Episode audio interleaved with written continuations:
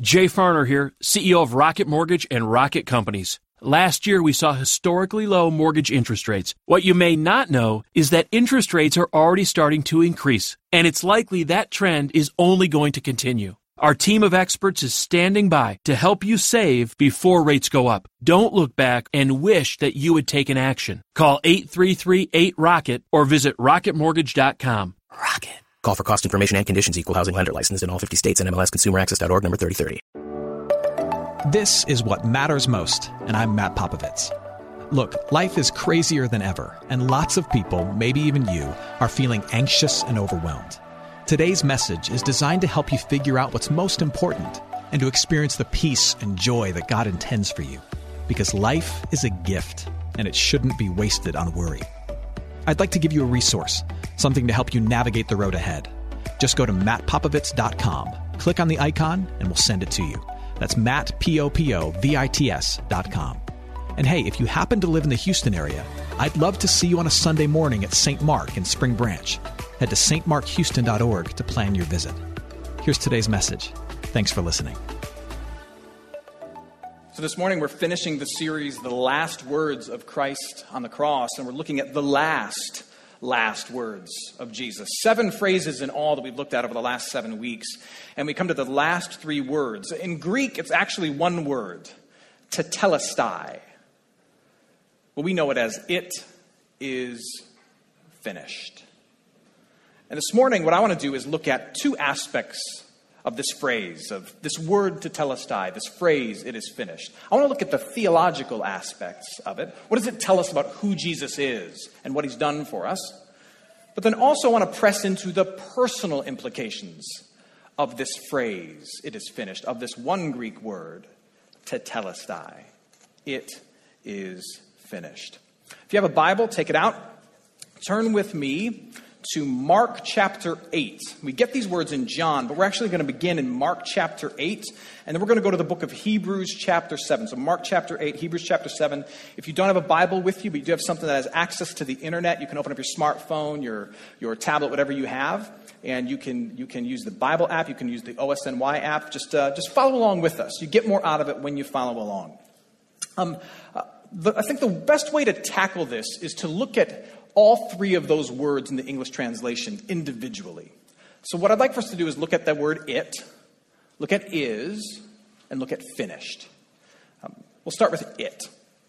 At times, people have wondered what it is with this phrase that Jesus is referring to. When he says it is finished, is he, is he simply, is it an expression of relief? Is he saying, my suffering is finished? Finally, it's finished. I'm now dying. My, my, my suffering and anguish on the cross is finished. Or is it simply a phrase, an expression of anguish itself? He, he's upset that his life is over, his life is finishing. Is he saying, Oh, it's finished, it's over, it's done, I'm being killed? I mean, both are logical. Or is it something bigger? Could it be that, that Jesus says this phrase because it's part of a, it's part of a culmination of his entire mission.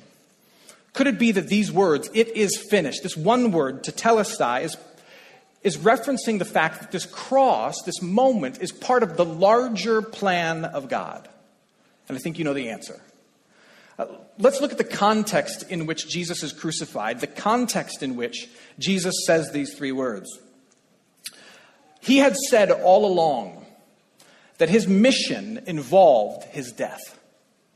He said all along that his mission involved his death. This is where Mark chapter 8 comes in. Mark chapter 8, starting at verse 31. This is quite a while before Jesus is even arrested and brought in Jerusalem, uh, likely years before he's crucified. Listen to what he says. Jesus began to teach them that the Son of Man, it's a reference to himself, must suffer many things and be rejected by the elders and the chief priests and the scribes, be rejected by all the religious people, and be killed. So from the start, Jesus is saying, This is how it's going to end. People are going to kill me. And after three days, rise again. And I love what Mark adds here. And he said this plainly. In other words, Jesus said this in a way that could not be misunderstood, though people misunderstood it. He said, There's one way in which this mission ends I die, okay? I'm not going to be surprised by it and neither should you. It's going to end with my death. So Jesus predicted this moment. Here's more of the context. He said these words, It is finished, from the cross, after arriving in Jerusalem just days earlier, being hailed as the Savior King, which is what we commemorate today on Palm Sunday. Palm Sunday has nothing to do with high fives. Palm Sunday is about palm branches, right? As Jesus entered Jerusalem days before he's crucified, people who understood that he was claiming to be the Messiah gathered around, and it was custom back then to hail someone who might be the coming king, because there were several people who claimed to be a Messiah throughout the years. It was not an incredibly uncommon event. To hail this person with palm branches as a fulfillment of scriptures about what this Messiah would do, riding in on a donkey, hail him with palm branches, saying, Hosanna, Lord, save us. And so, Jesus, prior to his death on the cross, he is hailed as a saving king. That's part of the context. But the third piece is this when Jesus actually dies and he utters these words, it is finished, he dies during the Jewish festival of Passover. He dies during the Jewish festival of Passover, a point which would not be lost on a first century Palestinian, a first century follower of God. The Jewish Passover commemorates the fact that thousands of years earlier, God's people were in slavery in Egypt. And God used a mighty move of his hand and of his power to set them free. He used that mighty move of his hand and his power to set them free, and also for his people to escape judgment from their evil through the death of a spotless lamb. So at the original Passover, uh, the families were to kill a pure and spotless lamb and mark the doorframes of their home with its blood as a way of saying, We have faith in the one true God. We know we're a broken people. We know the Egyptians are an evil people, but we have faith in the one true God. And God's judgment then passed over those homes. That's where the name comes from. So that those who were saved could say they were saved by the blood of the Lamb.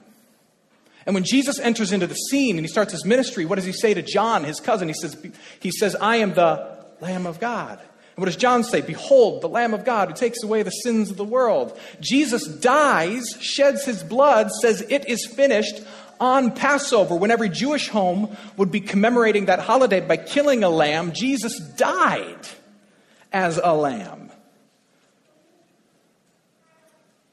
So when you put all this together, what is it in that sentence? What is it that is finished? It is the work of saving the world. What is finished is Jesus' work of saving the world from the judgment of God the Father through his predicted death as the ultimate and final sacrificial lamb. That's what it is. It's not a cry of anguish, oh, I'm being killed. It's not a cry of relief, oh, finally I'm being killed. It's a cry that says, My mission to save the world from the judgment of God through my predicted death as the ultimate sacrificial lamb whose blood covers over the evil of the people so that God's judgment passes over them, as the ultimate sacrificial lamb, that work is finished. Now let's look at that word finished. What Jesus is doing, and this may sound redundant, is, is saying that that work is absolutely completed. That, that there's, no, there's no area of it yet to be finished. There's no aspect of it that's, that's undone. Uh, you could translate that as utterly satisfied. Every aspect that needed to be completed in order for this to be completed is completed. It's completely completed. His death his death does everything that is required to make the world right with God. There's nothing left over. It is completely and absolutely finished. He died to perfectly and completely pay for and take the judgment that we deserve for our evils. Here's where Hebrews comes in. Hebrews chapter 7 says this Christ has no need, like other high priests to offer sacrifices daily, first for his own sins and then for those of the people. So in the, in the old sacrificial Jewish Hebrew system, the high priest would go in and on a daily basis offer sacrifices on behalf of the sins of the people as a picture of the fact that one day an ultimate sacrifice would come, but until then, we need to be constantly expressing our hope and our belief that our sins would one day be forgiven by sacrificing every day to atone for my sins, to atone for your sins. But then Jesus comes along, and what happens? The writer of Hebrews says he has no need to offer daily sacrifices since he did this once for all when he offered up himself. Jesus is the once and for all sacrifice that pays for you and it pays for me and it covers over everything. Now, I recognize that this is the part of the conversation where I'm going to lose some of you. You're going to say to me, uh, That's fantastic, Matt, but I don't believe in a God who judges us in the first place. I don't believe in a God who would set up a system where anyone would really have to be punished, let alone someone punished on my behalf. I don't believe in a God where, where, where, he would judge us and have to crucify someone in order to pay for sins. My God doesn't work like that. I believe in a God of love and mercy, not a God of judgment. Here's what I would say to you, just going to lovingly press on that. You say you believe in a, a God of love and mercy. I would say you don't. I hope it was worth it. You would say, I believe in a God of love and mercy. I would say, you don't. Here's the truth love demands justice. When you love someone, you fight for justice for them. And mercy has no meaning apart from the possibility of judgment. You can't say that God is loving and insist that he would never do anything to hold the world accountable for its evil. You can't say that God is good and insist he would never do anything to declare his anger over all that's wrong in this world. If we say God is loving, then he must be passionately upset with all that's wrong. If we say that God loves us and wants what's best for us, then there must be some aspect of him that longs to hold us accountable and speak truth to his creation. If we say my God doesn't ever judge, we're saying that my God is a passive parent who doesn't know how to love me enough to hold me accountable and shows no care for the pain and problems that all of us live with. Here's the thing if, if God is never going to judge the world, then there is no hope for the world. If God is never at any moment going to do something definitively that says, I hate the evil that I see, or I'm going to punish the evildoers, then what hope is there for the world? Either God can't do that, and he's impotent and not worthy of our worship, or God won't do that, which means he's mean and we should be afraid of him. And you might be catching on to my logic, and you might say, Yeah, but, but Matt, if God does judge, then what hope is there for me? Because I'm a broken person. Like, I'm, I'm the bad kid at the restaurant. We all are. So if God does judge, what hope is there for me? And you see, that's what makes the mercy of the cross so meaningful. Because God takes the justice and the judgment that you deserve and I deserve, and He lays it upon Himself. He lays it upon His own Son, Jesus Christ, so that justice can be done and judgment can be made, but I can go free and still be His son, and you can go free and still be His daughter. And we're able to look at the cross and say, wow, that, it's all completed, it's all finished, it's all done. And it was all for me. If God doesn't judge, there's no hope for the world.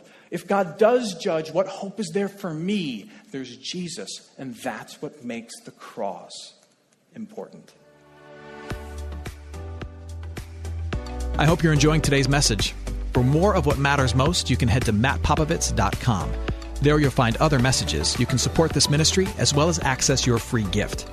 Oh, and if you're looking for a local church and you live in Houston, come and see what's happening at St. Mark Houston. To plan your visit, head to stmarkhouston.org. Thanks for listening, and back to today's message. Let me go to that third word. It's the middle one. Is.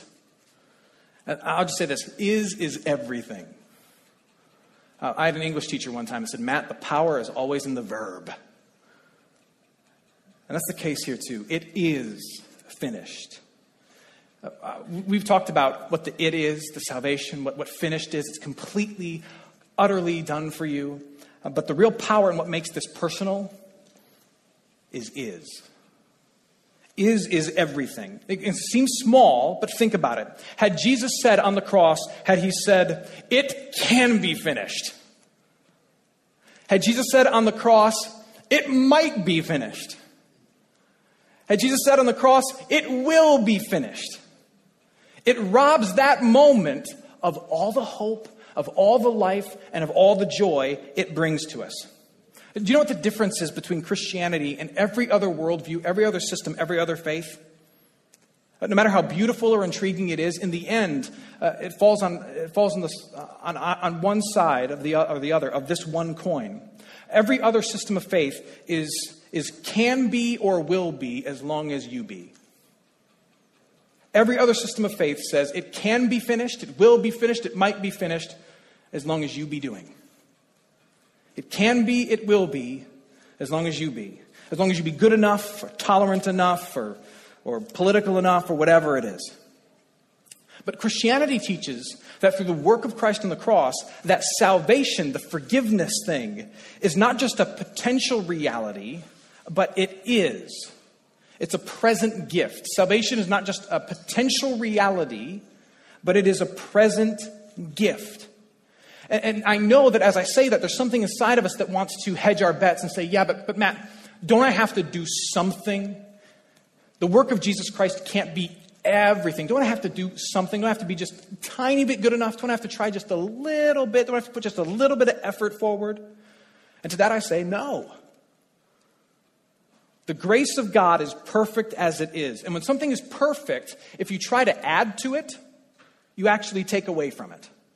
And now, what all this means is that no matter who you are, all of life, in essence, swirls around whether or not you believe this final phrase of Jesus. All of life swirls around whether or not you believe this. We either believe that we must save ourselves or that God has done it all to save us. We either believe that it's up to us to make our lives beautiful as an offering to the Creator or whatever higher being is there in the end, right? We have to make our lives something great to give to Him in the end, or we believe that God reaches down and makes us what He needs us to be. But it can't be both. We either live as if it is finished, or I go through every day living as if it's not and I have to create my own meaning. I have to, I have to carve out my own value. I have to make sure that I'm good enough, not just to be accepted by other people, but in the end, I'm going to stand before a creator, and I may not realize it until that moment, but I'm going to hope that I'm good enough for him too. I will either live my life knowing that God has given the grace and mercy that makes me right with God and whole as a human being, or I will live believing that you must do and work in order to be right with God and whole as a human being. And if you're here as a skeptic, that, that latter thing is where you live.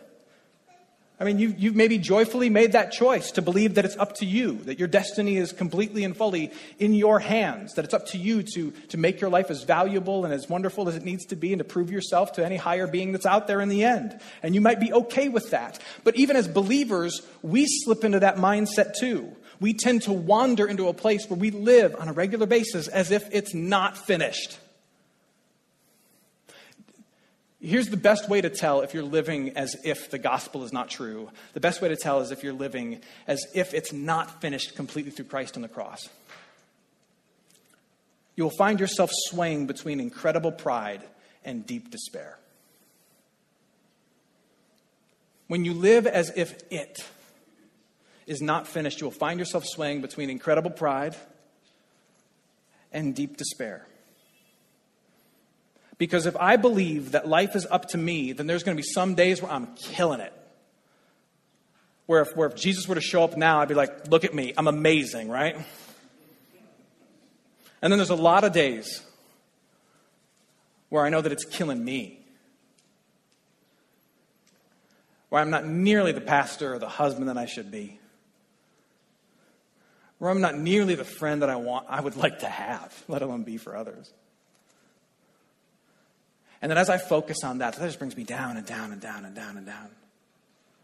And in between those days of incredible pride, I can prove myself to anybody an incredible despair. Who am I kidding? I'm a failure completely. In the middle, between those days, I am constantly comparing. I am always competitive. I am always assessing myself. I'm always measuring myself. And we see this in this city, don't we? We have a city of, of 8 million people walking around who are constantly saying to themselves and others, How am I doing? Am I doing good? How am I doing? Am I doing good? Am I doing great? Am I doing good? Am I doing good? How am I doing? How am I doing? How am I doing? How am I doing? You know one of the greatest gifts that God gives to us in Jesus? He gives us rest. Maybe you've never heard this before. Jesus died on the cross and he said, It is finished. And you know what that means? It means you can live your life. You don't have to try and save it. You don't have to try and make it beautiful and meaningful and, and to not waste your one trip around the carousel. You don't have to prove yourself to others. You don't have to prove yourself to your maker, most of all. You don't have to do that. Christ, Christ lived the life you couldn't live. He died the death that you deserved, and he did it fully and completely. He says, It is finished. And now he says to you, just live. Live loving me, live loving others. And I will make sure that in the end, when you stand before the throne, I will call you my good and faithful servant. Because you've been good enough? No, no, no. Because Christ completely did it all for you. That is the feeling that God the Father, through the work of Jesus Christ, wants you to live with. That feeling of deep and complete rest. You know what the gift of the gospel is? The gift of, a, of the gospel is a great exhale.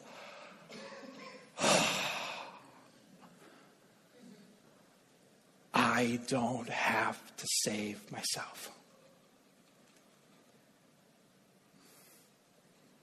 I don't have to make myself amazing. I don't have to make myself good enough. I don't have to be perfect. Christ has done it completely. And it's not because I stayed up late and I dutifully reworded Wikipedia. It's because Christ stayed up for me and did it the right way, the perfect way, and handed in his life and his death on my behalf. And he looks at me and says, You don't have to turn in a thing. It's finished. Go. It's done. It's finished.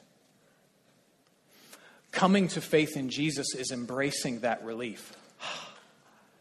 And then the life of faith is just on a daily basis returning to that relief. As you kid yourself at your job and you fall into the wrong thinking, oh, save myself through my job, save myself through my job, you realize, oh, I'm, I'm not.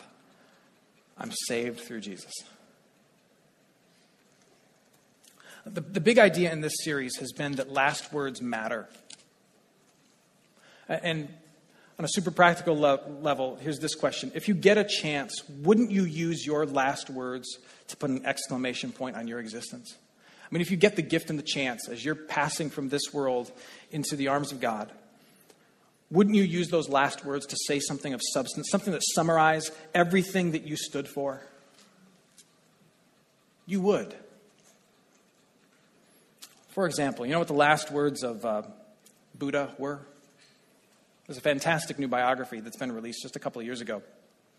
Um, and it confirms that uh, uh, what people have said all, all along. Buddha's last words are believed to be this strive without ceasing. Strive without ceasing. In other words, keep on working at it. I'd like you to compare those to what we know are the last words of Jesus I have finished it.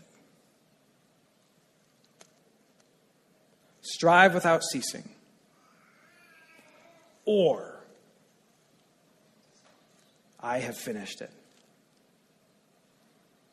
There are two ways to see the world, to live your life, and they seem the same, but they are miles apart. Either in your life, the cup is still full, the paper unwritten, the puzzle in pieces, success undetermined, and ultimate justice is undone. Or the cup is empty, the paper is stapled, the puzzle complete, and in the grace of God, you don't have to strive. It is finished. exhale. Amen. Hey, it's Matt. I hope you enjoyed what matters most. Here's what I need you to know life is a gift, and it shouldn't be wasted on worry. I want to help you figure out what's most important and to experience the peace and joy that God intends for you. So, for more content, you can head to mattpopovits.com. That's Matt, P O P O V I T S.com. There, you can also support this ministry as well as access your free resource, a little something to help you navigate the road ahead. I'd also love to see you on a Sunday morning. If you're in the Houston area, head to stmarkhouston.org to plan your visit. In the meantime, hit me up on Instagram at mpopovits or at facebook.com slash mattpopovitsministries. Thanks for listening. Now go and hold tight to what matters most.